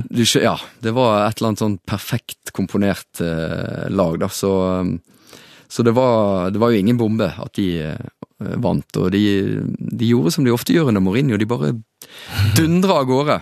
Mhm. Så Arsenal eh, var jo elleve poeng bak i oktober, sant? og tolv poeng bak til slutt. Altså det var Du må være med når Chelsea stikker, altså. Det, det er viktig. Hvem tror du mm, er det som kommer til å utfordre de hardeste i år? Nei, det er som dere er inne på, det er vanskelig å lese bildet. Jeg syns alle de fire store mm. ser ut som de har eh, en mulighet, altså. Kanskje Altså, jeg har City så er det litt sånn enten-eller for meg. Eh, jeg tror liksom enten så kan de godt vinne, eller så kan de godt liksom dette ned litt. Rammer kanskje nesten ut av eh, topp fire. Ja, det der er noen sånne company. Hvor, er- hvilken company er det vi får se? Hvilken jaja? Eh, hvilken ja-ja? Har han noe motivasjon, eller er det, skal han gå og være sur og, og uinteressert? Eh, hva med Aguero og, og skadeproblematikken der? Eh, Så det er nesten mest Men hvis de som liksom er, var kjerna i det der storlaget som vant i L- 20, 2012, da, eh, er tilbake på sitt beste, og det har de jo klart én gang, altså løfter seg etter et sånt svakt forsvar av ligagullet, så syns jeg Stirling og delvis òg Delf er ganske sånn spennende ser ut for meg som riktige signeringer, da. Ja. Eh, Så City tror jeg absolutt kan, eh, kan yte motstand. Arsenal syns jeg ser mer ferdig ut, klar ut til å, til å eh, utfordre nå. Jeg tror det er helt sånn naturlig mål i den gruppa å, å vinne ligaen. De har liksom gjort seg ferdig med den der nesten-lag og aldri vinne noe og sånn, og, og har veldig sånn bra cover på alle plasser nå, og de unge har har uh, skjøvet litt sånne eldre eh, ut, da, men det gir, jo god dekning. Ja, altså det, det, Du skal lete lenge etter en uh, villere offensiv midtbanerekke enn Arsenal kan, kan stille med, og da sitter jo fortsatt to-tre stykker på benken. Ja, ikke sant. Og der, der jeg, så, jeg så Ramsey nå på Wembley, så ufattelig godt trent ut. Og virker rå, virker klar, da. Eh, og det tror jeg er nøkkelen for Arsenal. Og de må starte godt, og så må de holde hele veien, da. Eh, Ja. Det har vært en utfordring for dem, men, eh, men det må de jo ha lært av. Og jeg, jeg føler at den gruppa har en sånn modenhet nå som eh, som gjør at de bør kunne henge med. Og, og um, Manchester United òg er, er vanskelig å spå. Jeg tror jo kanskje at det er litt uh, langt opp, men det er klart uh, de har kjøpt mye og spennende. og og hvis det Rea blir og, og, og sånt, så, så kan en egentlig ikke avskrive det helt, altså. Nei, så er det, Du har et par eh, wildcard der i, i eksempel Depay, som eh, så det, det er jo mange nederlendere som har kommet rett fra, fra æresdivisjonen, som mange anser som veldig mange hakk under Premier League, men som egentlig har levert ganske kjapt. Ja. Det er jo eksempler på det motsatte òg, selvfølgelig, men eh, å ja. Eh, Men, eh, men eh, absolutt. Altså de, de som dominerer, da, det er jo gjerne spillere som skårer en- et mål i snitt omtrent da, i, i Nederland. De eh, har jo ofte lykkes godt i England, og Depay er jo eh, kjempespennende. Altså, jeg så litt på han i VM og virker som en sånn eh, en pakke som, som kan bli veldig morsomt å, å følge med på. Og med Pedro nå på vei inn der, og sånt, så, og de har fått liksom stiva opp litt sånn der eh, soft kjerne i laget, syns jeg, med disse Schneiderle og Schweinsteiger. Så, så syns jeg det, det, det ser ok ut, og så kan du jo si ja, men eh, mangler ikke det en forsvarssjef, og mangler ikke det egentlig en, en spiss, altså van Persie? Jeg tror mange føler at han kanskje hadde mer å gi, altså. At han liksom bare forsvant litt, litt fort, da. Ja. Eh, Så jeg føler ikke helt at de kanskje har nok eh, ennå til å, til å ta ligagullet, da. Men, eh, men eh, ja, jeg tror de, de, hvis Luke Shaw får en knallsesong, og han Darmian leverer som han har gjort eh, hittil, da, så, så er det ganske mye som er på plass der, da. Det er det. Så, så obs, obs. Enn en våre, en våre få nordmenn eh, altså på andre sida av tabellen, mest sannsynlig, men eh, sånn Tetty, eh, Joshua King, er det Kjenner han til å ha bare tøffe sesonger, eller, eller sesong, eller får vi liksom et gjennombrudd her, kanskje? Jeg vet ikke, altså. King er det jo bare én ting, og det er at han får spille spiss og ikke bli skada. Ja. Så tror jeg at han eh, Han har jo noe, det er helt åpenbart. Han har jo ikke mista det, selv om han har hatt veldig mange leie avbrekk, så har han det fremdeles. Altså, Så jeg håper jo det, at han blir satsa på, at han eh, får lov å spille eh, fast og slippe skader. For da, jeg tror det kan være viktig for Norge òg, eh, Mm. denne høsten her. Så, og Tetti har jo Han fyller jo en rolle, veldig sånn lojalt og, og solid, så eh, Men det, ja, Norwich er jo er jo eh, selvfølgelig et lag som må regne med oss å, å kjempe litt eh, for å overleve. Det, det er jo naturlig når du kommer opp. altså. Du har et gap og, det- å tette der som er, som er stort, altså. Eh, Hva med han uh, bitte lille superkometen Martin Samuelsen, som plutselig har fått eh, spilt og skåret for Westham i sommer? Ja, nei, det er spennende det, selvfølgelig. Vi, jo, vi trenger jo alle vi kan få der borte. Eh, Men eh, det er mange sommereventyr som, eh, som har slukna når sesongen har begynt. Altså, det er jo det er noe annet. Eh, Det er mange som ikke legger så mye i disse treningskampene. Det er, det er veldig variabel motstand osv. Men han er jo helt åpenbart i, i søkelyset da, og har en, en tillit og har grepet de sjansene han har fått. eh, Og virker som en veldig sånn bra fyr. Eh, Så jeg håper jo at han eh, får anledning til å vise seg fram. Det hadde vært hadde gjort enda morsommere å følge Westham, da. Selv om de var veldig gøy å se på forrige sesong, må jeg si. Hjemme i en del kamper var de outstanding, rett og slett. Så, så det er mange spennende lag, og Liverpool selvfølgelig med alt det nye der, og åpningen Vi skal jo på Britannia på søndag, og der er det jo bare poenger i kø. Og, eh, Ikke så bra i fjor. Nei, sant. eh, Fra, fra nesten ligagull til nesten sparken på ett år, liksom, for Rogers der. Så, så det er klart å komme tilbake til åstedet, det, det blir en, eh, en test for de, altså. Ja. Og så får vi jo se om man har klart å få eh, satt dette her, da. Hvem skal han velge? sant? Han har begynt å få ganske mange der framme som eh, Det er mye å velge. ja, og da må Ja. du velge rett. sant? Det er liksom det som er utfordringen, da. Eh, Dårlig tid på seg, sant. Nytt trenerapparat og litt sånn Selv om de var flinke å handle tidlig, for så vidt, så er det Det kommer fort den sesongen, og i år kommer jo fortere enn noen gang, så Ja. Spent på om de er klare, altså. Og så har de eh, Benteke og Firmino og Klein og, ja, og enda flere, men, eh, men har de Daniel Sturridge? Ja, nei, de har jo ikke det eh, når de begynner. Og, men det, det som er fint med alle disse nye som kan skåre mål, det er jo at Sturridge slipper å komme tilbake som en sånn frelser i oktober. Altså, Hvis Benteke for eksempel har lykkes her, så kan Sturridge matches inn litt forsiktig og Ja, for han ble kasta liksom litt inn eh, Ja, han ble det og skåret i første mot uh, Westham der, og så, alt så jo egentlig fint ut. Men så, så er jo det, når du har vært ute så lenge, og det å være spiss, det er sånn Bare se på alle de spissene som går fra å være fantastiske til å forsvinne helt. altså Det er ganske fascinerende. Falcao er et uh, aktuelt eksempel. Robin van Persie i 18 måneder var jo helt, helt suveren, liksom. mm, Og så plutselig Torres er et nytt eh, godt eksempel. Så det å være ute lenge, sant, det, du mister den lille edgen, det den lille marginen som gjør at du skårer mål på, på rent instinkt og automatikk. altså, Det, det kan være nok. sant, så han har jo et eh, snitt i Liverpool som er helt unikt. Sturridge han, har jo, altså, han er jo fantastisk, men eh, han er, han er skada og har vært det my, altfor mye. Så jeg tror de gjør rett i å ikke basere sesongen på at han skal komme tilbake som en Messias i oktober. Mm.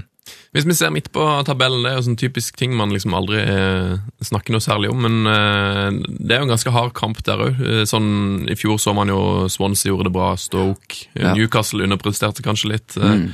Hvem er det som kommer til å eh, liksom nærme seg topp fem mest her? Ja, det er veldig vanskelig det der, altså. Sånn, jeg føler liksom fra sånn åtte, eller kanskje til og med seks og ned til 15, så er det sånn Ja. Det kan. Det kan skille tre poeng, det, til slutt. altså nesten. Det er jo, sant, så det Å sitte da i august før det er begynt og, og sette opp en rekkefølge er jo litt sånn eh, rart, da. Men Mark Hughes uh, syns jeg eh, er i ferd med å skape noe veldig spennende i Stoke. Det blir gøy å se. Han har, han har liksom skjønt at eh, vinden på Britannia slås best ved å holde ballen på bakken. Ja, virker som, eh, ja det, det er jo en, paradigmeskifte der, helt klart. Og de, Ja. De leverte jo bedre enn under Pulis eh, forrige sesong med Mark Hughes der, og har en del sånne fotballspillere inne der som gjør at eh, Stoke eh, ikke bare er lange innkast og Peter Crouch lenger. Da. Så det, det er jo eh, veldig interessant, da. Eh, ja Southampton, jeg vet ikke. Jeg er veldig imponert av Koman, altså. Men klarer han å liksom erstatte nøkkelspillere for andre år på rad? sant? Den gjennomtrekken der har jo vært Enorm. ganske stor, så det er lett å se for seg kanskje en liten dipp der. Swansea litt det samme. Det var mange som frykta at Bonis exit skulle liksom ødelegge sesongen, men eh, jeg husker jeg så det på Old Trafford i premieren, og de hadde Gomis som kom inn der, og det gjorde han jo senere i sesongen og leverte ok, altså. De har en sånn ganske fint lag, og en veldig spennende manager de òg, altså. En ung og nytenkende fyr i Gary Monk der, så det er og Newcastle, eh, med Newcastle, mye ja. nytt og ny manager og sånn, det kan jo òg slå positivt ut, altså. Så det Ja, Der kan det vel bare gå én vei nå. Ja, det, det vil jeg jo tro. Etter den avslutninga? Ja, ja, ja. Det, det vil jeg tro at de får et løft. Jeg unner de jo det, altså. Det er jo få steder fotball betyr mer enn der oppe, og da, da hadde det vært moro om de fikk eh, et lag å være stolt av, da. For det har de jo faktisk ikke hatt på ei stund. Ja, for St. James' det er kanskje et av de stedene med mest sånn uh, trøkk. Ja, fantastisk liv der, altså. Fantastisk liv. Eh, eh, nordøst i det hele tatt, det er, der er de Passionate. Der, ja, der er de passionate, altså. Det, det er det ingen tvil om. Se på det lille området som Middlesbrough, Sunderland, Newcastle ligger jo ganske tett der, og, og mye folk på kamp. Eh, Fotball betyr enormt der oppe, altså. Hva er det du um, gleder deg mest til å Hvilken stadion er det du gleder deg mest til å komme deg på når hadde, sesongen starter? Jeg Hadde håpet at Bournemouth skulle få en sånn stor motstander hjemme tidlig, da. Mm. For det å dra til en sånn liten, koselig eh, stadion eh, som opplever Premier League for første gang, det, det er alltid gildt. da. Det, det, det syns jeg var litt leit med den terminlista, da. At de kampene ikke kommer helt sånn eh, i starten der, da. eh, Når entusiasmen er skyhøy og sånn. Men eh, men eh, nei, det er jo, det, er jo alltid eh, moro med Goodison. De der gamle, sant, Anfield, de der gamle stadionene som har den der eh, sjela siste året på, på Upton Park, selvfølgelig. Ja, det blir det òg. Der jeg hadde noen av mine beste stunder i fjor. Hjemmekampene mot City og Liverpool i hvert fall var, var virkelig bra. Og så er det jo, er det jo White Hart Lane og Tottenham spiller bra fotball, er jo eh, alltid eh, veldig, veldig stemningsfullt. Eh, så det mangler jo ikke på, på ting å glede seg til, og, og morsomme kamper og stadioner. Det, det, det er de velsigna med der borte. Ja, men altså, jeg måtte bare søke opp eh, Bournemouth, sin hjemmebane, eh, Dean Court. Altså 11.700. Ja, Altså, ja det er jo Det er jo eh, det er, Det er altså, tidenes minste, da. Så Altså, det, spill eh, ganske mange kamper her nå mot store 11.700! ja. Tenk litt på det. Men de kommer til å lage liv, det er jeg helt sikker på. Ja, det kommer til å høres ut som det er 20 og vel så det. Åh, det er nydelig. Så det er kult. Ah, helt nydelig. Um, vi kan vel bare oppsummere med at vi gleder oss alle mann til Premier League-sesongen. Gjett om. Gjett Eh, Øyvind Alsaker, det var helt uh, fantastisk å ha deg på besøk. Du, du skulle gjerne fått lov til å være en time til. Ja, det var veldig hyggelig å være her. Selv om jeg ikke fikk se dere, så, Du sitter jo i Oslo. så føler jeg at jeg kjenner dere litt eh, bedre nå. Ja, I like måte. Så får vi prøve eh, å ha et eh, face-to-face-møte eh, neste gang. Ja, Vi får oppsummere etter sesongen, eller ta noe til jul. Ja. Eh, når, er det, det, når er din første avreise? Er det i kveld? Er det i morgen? Det Er er det på lørdag? 18.05 i kveld til Manchester, rett inn i sportsnyhetene, og så Old Trafford eh, lørdag formiddag, og da er vi i gang. Det høres helt ok ut. Frysninger. Det høres helt ok ut. Strålende, Øyvind.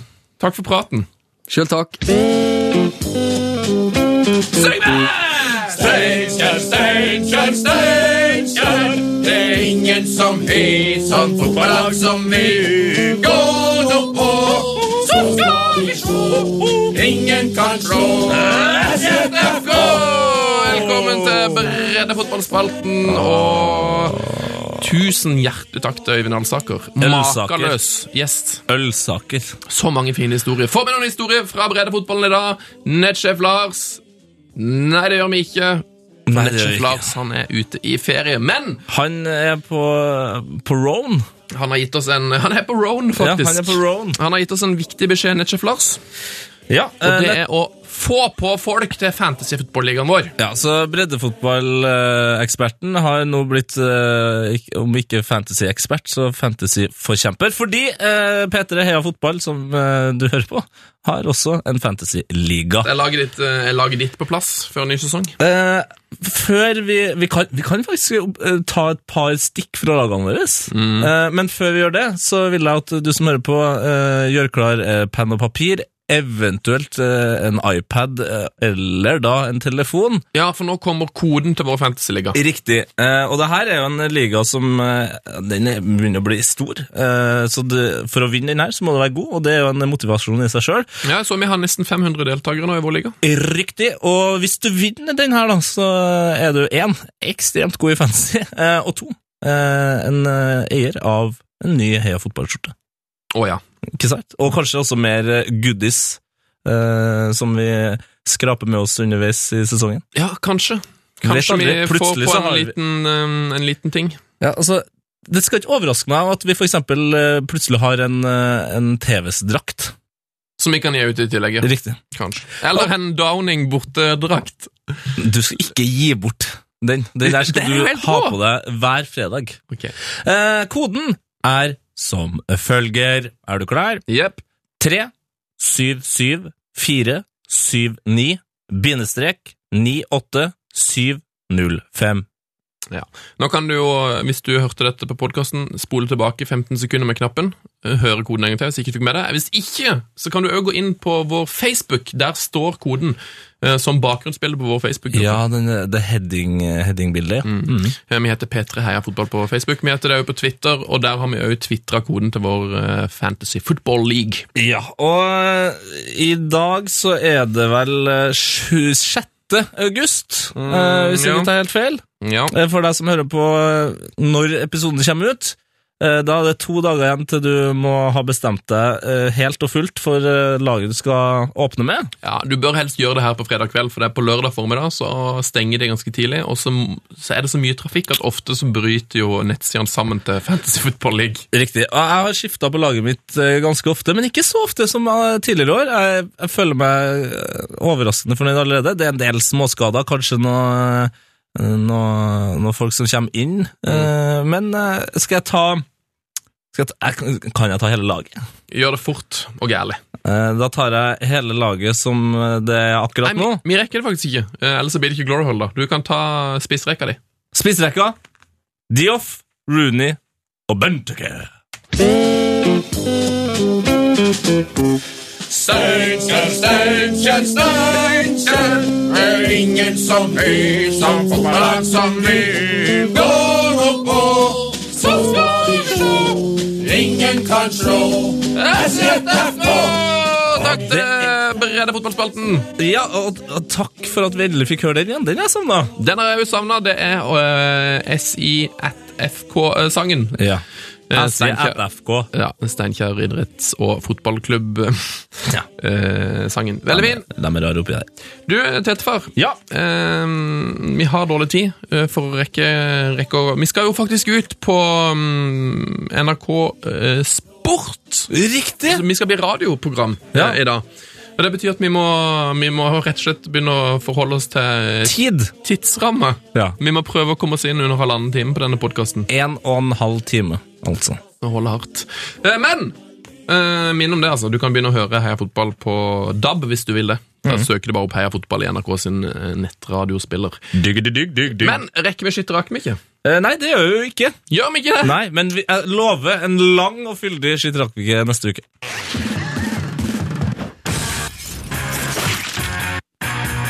Heia fotballs glory hall. Velkommen til Heia Fotballs eh, Glory Hall. De observante lytterne vil jo merke at vi har ikke hatt uh, tid til post og brev i dag. brev. Det hadde vi dessverre ikke tid Det til. hadde vi ikke tid med, men uh, det skal sies. Vi har noe greier her som vi da tar i neste uke, og jeg lover, det er underholdende saker. Har vi fått gode ting? Vi har fått én god ting og, og en ting til.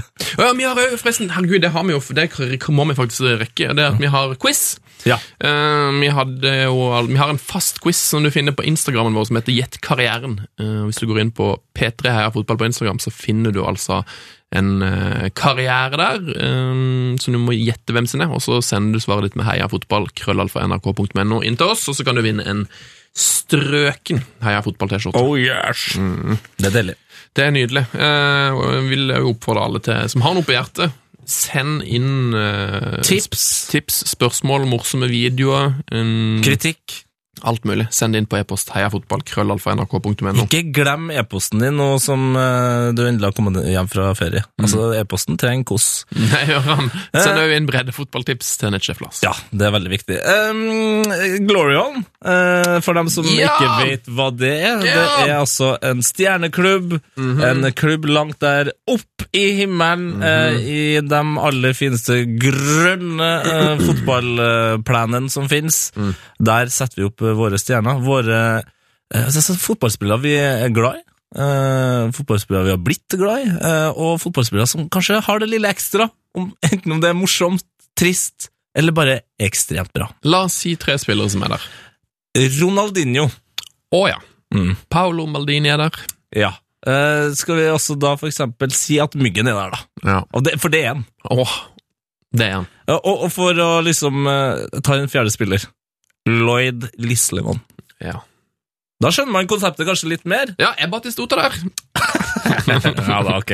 Og Batistuta her, han var faktisk den første som kom inn. Eh, Det er på tide å sette inn en eh, ny helt, uh, Tete-far. Ja, og det er Sundet, uh, Mandalingen og Eller Mandalitten, som Ja. man sier, uh, som skal sette den inn. Det er egentlig din tur i dag til å ha Glory Hall. Det er det. Men jeg- du, har- jeg vet du har vært ekstremt busy i det siste. Ja, måtte eh, gjøre musikken på P3 hardt, og har begynt øvingssesongen eh, beinhardt, så jeg øvde til klokka var tolv i, natt.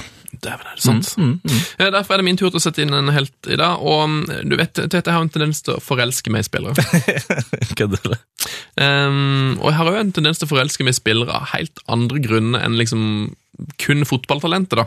Ja. Det er klart det hjelper jo at de er gode i fotball, men Du interesserer deg for mye, mye annet. ja, Paul McGrath, for eksempel. Ja. Veldig glad i han. Eh, drakk som en svamp. Mm.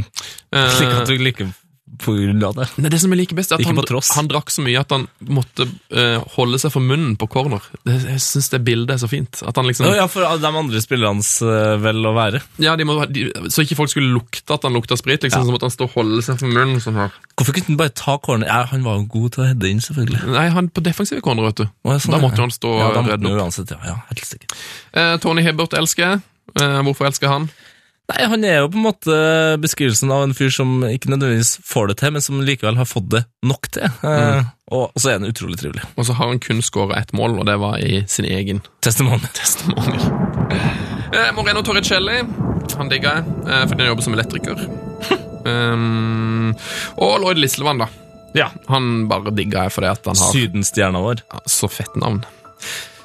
Husker dere eh, Stephen McPhail? Steven McPhail. Supertalentet som spilte i Leeds fra 95 til 2004. Nei, men for et navn. Stephen John Paul McPhail. Født i Westminster England 1979. Jeg elsker han Tete. Men ikke bare for spillet på banen. Ehm, ikke bare for noen eh, lekre pasninger som han slo i tida i Leeds. Ehm, jeg elsker han òg for tida i Millwall, for tida i Barnsley, for tida i Cardiff, for tida i Sheffield Wednesday, og ikke minst for tida i irske Shamrock Rovers, som Ah, starta i 2014. Steven McPhail.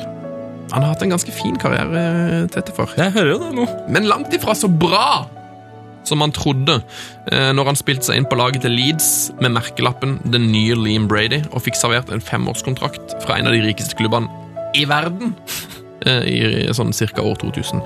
Folk trodde at McPhail skulle bli enorm. Ja. Og det er ikke så rart, for han var så forbaska god. Men det gikk liksom ikke sånn for Steven McPhail. Få spillere har nemlig møtt mer sykdomsmessig motgang enn McFail. Og Det er av motgang utenfor banen vi da hyller Steven McFail. Og navnet, da, tydeligvis. Steven McFail er nemlig den eneste Tete, den eneste toppidrettsutøveren jeg vet om, som lever med to ekstremt spesielle syndromer. Steven McFail sliter med Sjøgrens syndrom og Reynauds fenomen. Hva, hva er det her? Sjøgrens syndrom er en autoimmunsykdom som fører til tørrhet i slimhinnene, ø, oftest i øye, nese og munnhullet.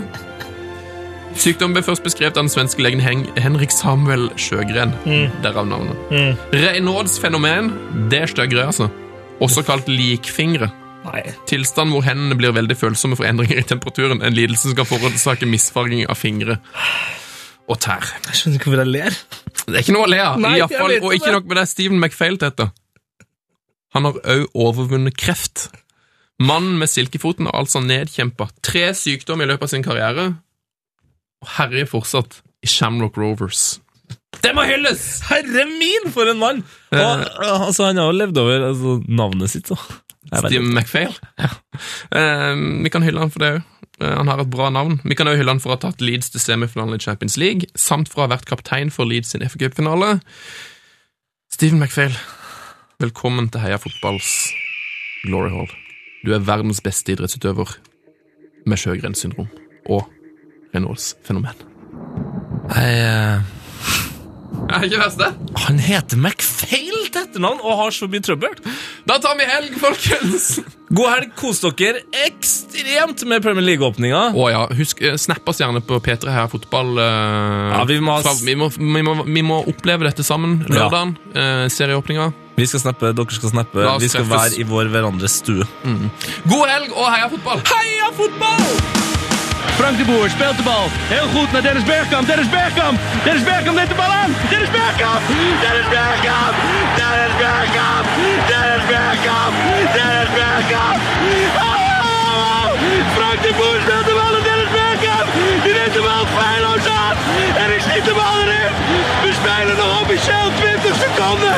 Dennis Bergkamp. P3s Heia fotball. Ny episode hver fredag. Last ned din nye favorittpodkast på p3.no podkast. P3.